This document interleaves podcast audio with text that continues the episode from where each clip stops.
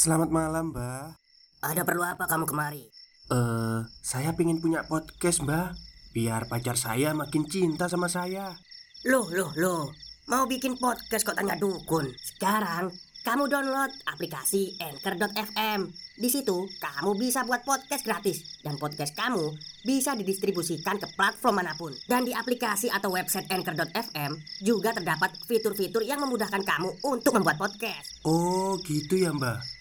Kalau gitu, saya boleh minta password wifi-nya, Mbak. Buat apa?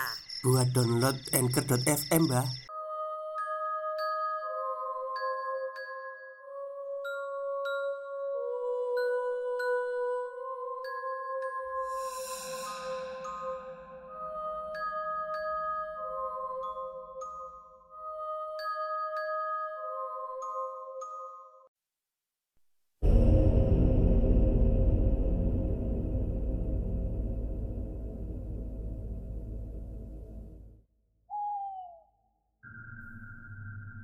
Assalamualaikum warahmatullahi wabarakatuh. Halo semuanya.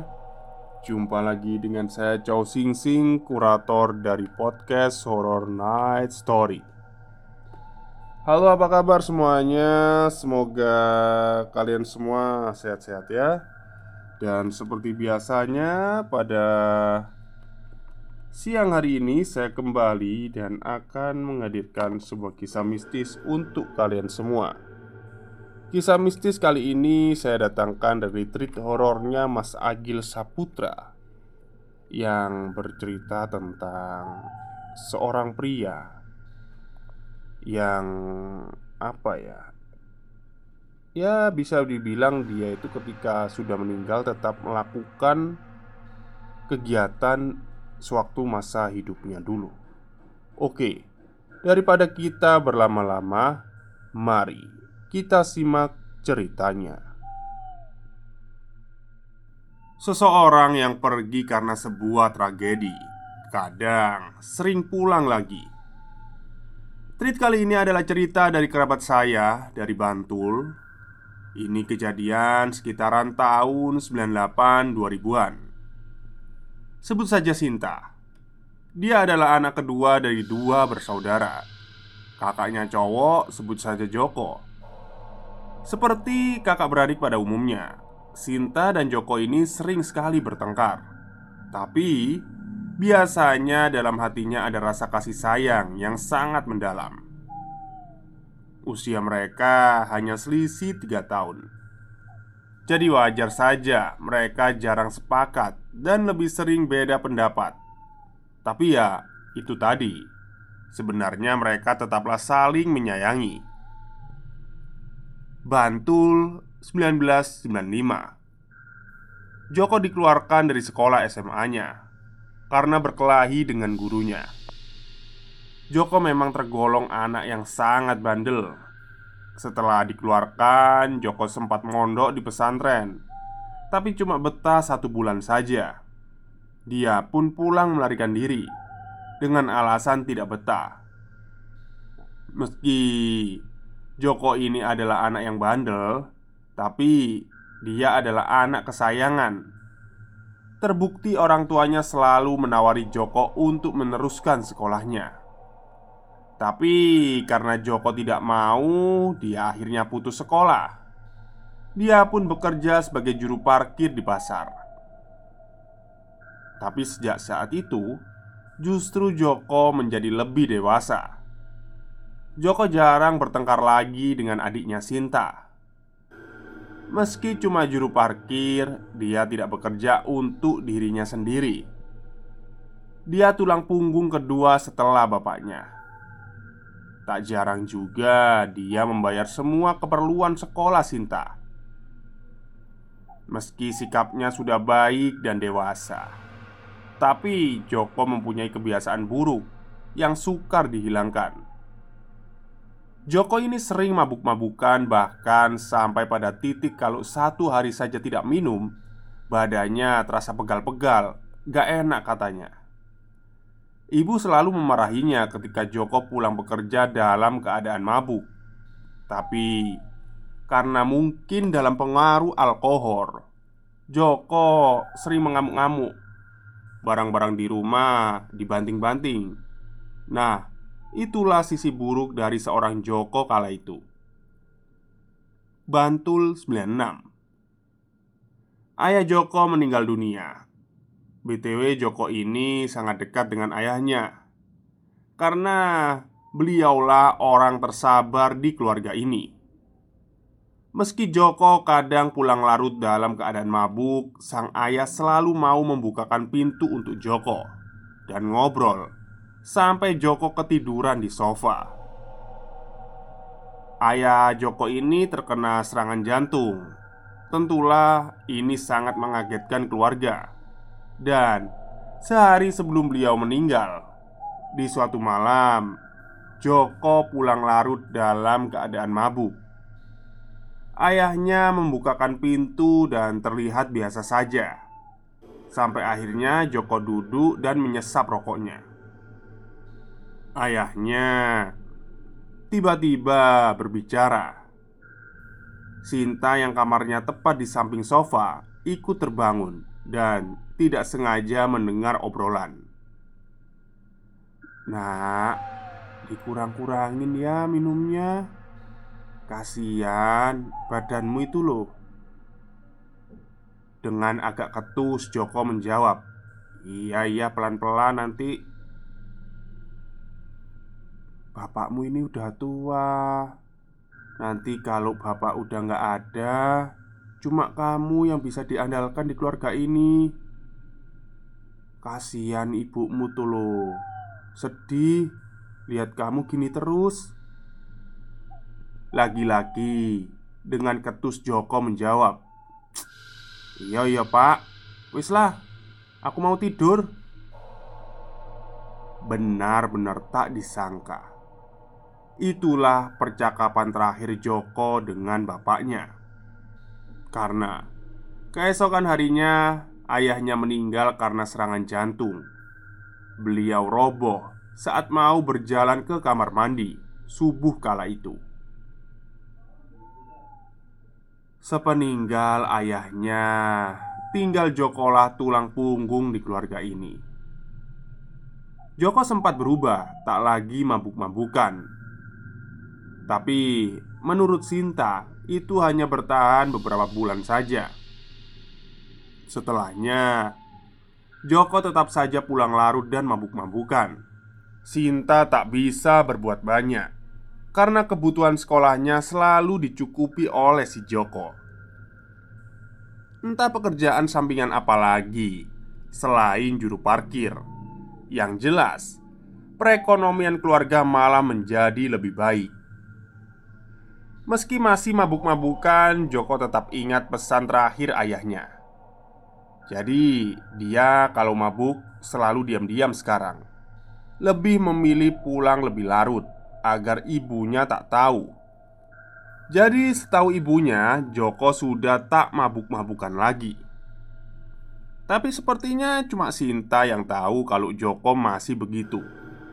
Karena setiap malam Joko selalu mengetuk pintu kamar atau pintu jendela kamar Sinta. Kala Joko pulang malam dan Sintala yang membukakan pintunya.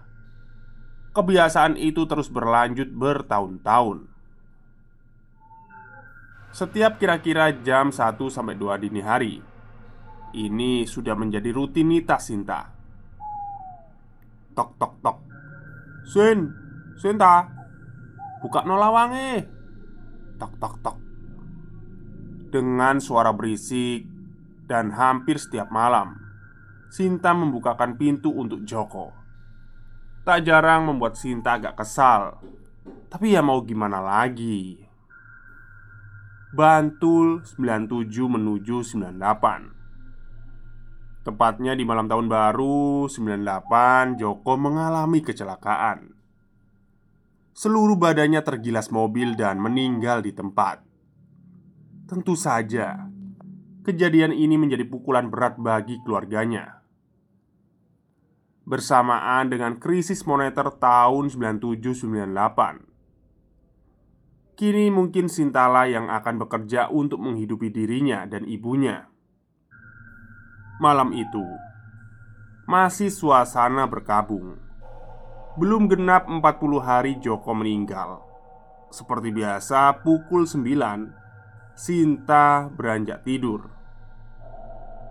Tak ada perasaan lain Selain mengingat si Joko. Kira-kira Pukul setengah sepuluh Sinta tertidur Dan terbangun Di tengah malam oleh suara ketukan di jendela kamarnya. Tok tok tok. Tok tok tok. Sin Buka no pintu eh Sin. Suaranya liri berbisik. Sinta terbangun tapi seperti enggan beranjak dari ranjangnya. Suara itu terdengar sekali lagi Sedikit lebih keras sekarang. Tok tok tok. Tok tok tok. Sin Buka no pintu eh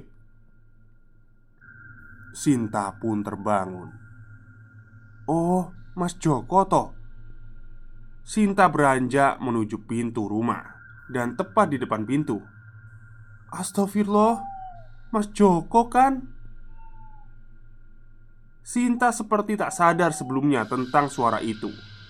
Sinta baru sadar ketika di depan pintu kalau Mas Joko sudah meninggal. Sinta menoleh ke arah jam. Di situ jam menunjukkan pukul 2 dini hari. Seketika itu, Sinta langsung pingsan. Joko yang belum genap 40 hari meninggal mengetuk kamar Sinta dan mengulangi kebiasaan lamanya. Keesokan harinya, Sinta dibangunkan oleh ibu Ya Allah, nak, kamu ini kenapa? Kok tidur di depan pintu? Dalam keadaan bingung, Sinta pun menjawab, "Eh, ngelindur kayaknya, Bu." Sinta menutupi apa yang benar-benar terjadi semalam. Tak mau membuat ibu semakin risau. Pagi itu Sinta duduk di teras depan sambil menyesap teh hangat menelaah apa yang terjadi malam itu. Berharap itu cuma mimpi, tapi kenyataannya itu bukan mimpi. Dalam hati Sinta terus bertanya-tanya apakah itu memang Mas Joko yang menjadi satu-satunya nalar adalah Oh, menurut kepercayaan Roh orang yang meninggal akan berada di sekitar kita selama 40 hari Mungkin itu yang terjadi. Batin Sinta. Malamnya Turun hujan yang sangat deras. Entah apa yang dirasa malam itu Sinta seperti kehilangan rasa takut. Akan aku tungguin Kalau itu memang benar Mas Joko. Batin Sinta. Sehabis sholat isya Hujan belum juga berhenti. Tapi tak sederhana tadi Sinta membuka jendela kamarnya lebar-lebar Menopang dagu sambil memandang hujan. Dingin seperti tak dirasa Memandang halaman depannya yang gelap. Dia kini mulai jujur kepada dirinya sendiri. Sinta belum ikhlas atas kepergian Mas Joko yang sangat mendadak itu.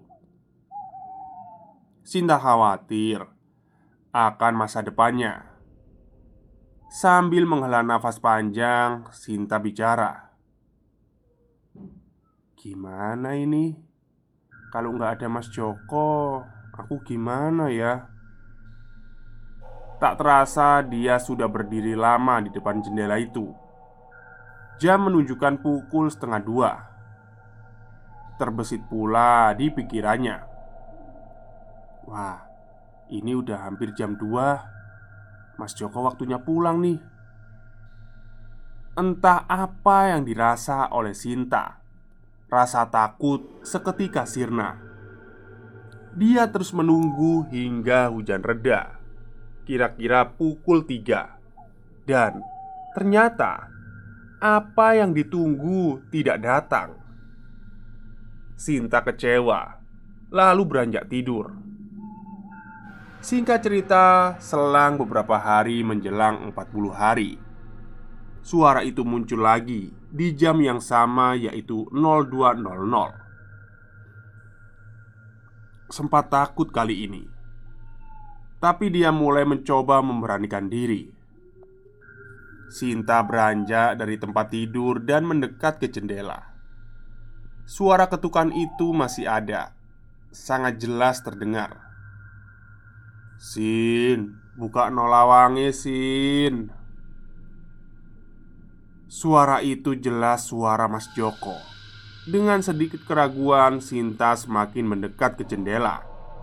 Ditempelkan tangannya di kaca Dan terlihat siluet bayangan hitam Postur tubuhnya Mirip sekali dengan Mas Joko Sambil menitihkan air mata Sinta bicara dengan sosok di luar jendela itu. "Mas Joko, Mas Joko yang tenang. Yang tenang di sana, Mas. Aku dan Ibu sudah ikhlas kok." Perlahan, bayangan itu bergerak menjauh perlahan dan hilang di kegelapan. Sinta seketika roboh sambil menangis. Dalam hatinya, Sinta belum ikhlas sepenuhnya. Setelah 40 hari memang ketukan di jendela kamar Sinta sudah tidak ada lagi Bulan demi bulan berganti Ternyata Sinta belum benar-benar ikhlas Ditambah perekonomian di keluarga ini semakin memburuk dan terus memburuk hanya ada satu alasan di benak Sinta. Semua ini gara-gara Mas Joko meninggal. Sekarang mau makan aja sulit. Tentu itu mendorong Sinta menjadi lebih tidak bisa merelakan kepergian Mas Joko. Sinta yang baru saja lulus SMA kini bekerja sebagai buruh di pabrik. Berat untuk dilalui. Dan puncaknya di pertengahan tahun 99 Dampak dari krisis moneter. Sinta di PHK Untuk melewati bulan-bulan setelah itu Sinta bekerja serabutan Dengan hasil yang tak menentu. Sinta Menggunakan uang tabungannya yang tak seberapa Stop, stop Kita break sebentar Jadi gimana? Kalian pengen punya podcast seperti saya? Jangan pakai dukun, pakai anchor, download sekarang juga gratis. Hari-hari kalau tidak bekerja, Sinta hanya melamun di jendela itu sambil masih memikirkan kakaknya, Mas Joko. Memang sih, untuk gadis seumuran Sinta yang mungkin masih belasan tahun, pasti sangat berat melalui hal ini. Apalagi kakaknya yang baru saja meninggal. Dan di suatu malam, suara ketukan itu muncul kembali. Sinta segera mendadak terbangun, tapi suara itu hilang. Ah, mungkin ini cuma mimpi, batinnya. Saat Sinta membaringkan tubuhnya dalam keadaan setengah tidur, Suara ketukan itu muncul lagi. Tok, tok, tok. Sin, buka no pintu Sin. Sinta menoleh ke arah jendela dan terlihat sangat jelas, tapi itu bukan Mas Joko karena badannya tinggi besar, hitam, dan matanya merah menyala saat sosok itu menyentuh mengetukkan jarinya di kaca jendela. Bentuk jarinya sungguh tak wajar, sangat besar, tapi sosok itu terus-menerus mengetuk. Sin, buka no lawangi Sin. Sin, buka no pintu Sin. Suaranya semakin membesar Tapi itu bukan suara Mas Joko. Temponya menjadi semakin cepat. Sin, buka no pintu Sin. Ah, ah, ah, ah, ah. Tiba-tiba sosok itu tertawa. Sinta berlindung dengan selimutnya. Tapi suara itu tak henti, bahkan menjadi semakin parah. Sin, iki Mas Joko, Sin. Buka no, Sin. Iki masmu. Ah, ah, ah, ah, ah. Dengan intonasi yang menggoda dan kata-katanya yang mulai berubah. Sin, iki Mas Joko, masmu. Buka no pintu esin cepet Kali ini dengan nada bicara penuh kemarahan Di balik selimut Sinta berdoa. Hingga adzan subuh berkumandang Suara itu baru hilang. Sinta Benar-benar tidak Benar-benar tidak tidur malam itu. Keesokan harinya Sinta sakit. Entah sakit apa Demam tinggi. Kalau kata orang Jawa terkena sawan Atau penyakit yang disebabkan oleh hal yang tidak wajar Pikiran Sinta mulai rancu. Siapakah sosok yang mengganggunya semalam? Yang jelas itu bukan Mas Joko Karena Mas Joko sudah tenang di alam sana. Kejadian itu membuat Sinta sangat ketakutan. Sampai akhirnya dia sudah tidak kuat lagi dan bercerita ke ibunya. Dan ternyata selama ini ibu Sinta juga sering diganggu. Tapi kala itu mereka sama-sama tak mau bercerita. Kata ibu, sehari sebelum Sinta bercerita, ibu mengalami ketindihan. Beliau melihat Joko merebahkan tubuhnya, tidur di samping ibu. Dalam posisi tidur miring, ibu melihat sosok yang tadinya seperti Joko perlahan berubah menjadi besar, menghimpit ibu hingga ibu jatuh dari ranjangnya dan terbangun. Awalnya ibu mengira itu hanyalah mimpi, tapi ternyata di ranjang ibu masih ada sosok besar itu tiduran di ranjang, dan Sosok itu berkata, "Bu, iki Joko, Bu, anakmu." Oh, oh, oh, oh, oh. Singkat cerita, karena mereka merasa tidak nyaman, akhirnya dipanggillah orang pintar atau paranormal untuk memastikan siapa sebenarnya sosok hitam itu. Dan harapannya sih, gimana caranya biar nggak mengganggu lagi. Akhirnya datanglah paranormal itu ke rumah. Setelah dicek, ternyata sosok itu bukanlah Joko, tapi itu adalah perewangan atau pegangan gitulah istilahnya. Ibu dan Sinta mulai bertanya, untuk apa Joko memiliki perewangan dan fungsinya apa? Kata sang dukun itu, itu buat jaga-jaga dan fungsinya kalau berkelahi. Hanya itu yang bisa dijelaskan oleh paranormal itu. Setelah ditelaah, masuk akal juga kalau Joko memiliki itu.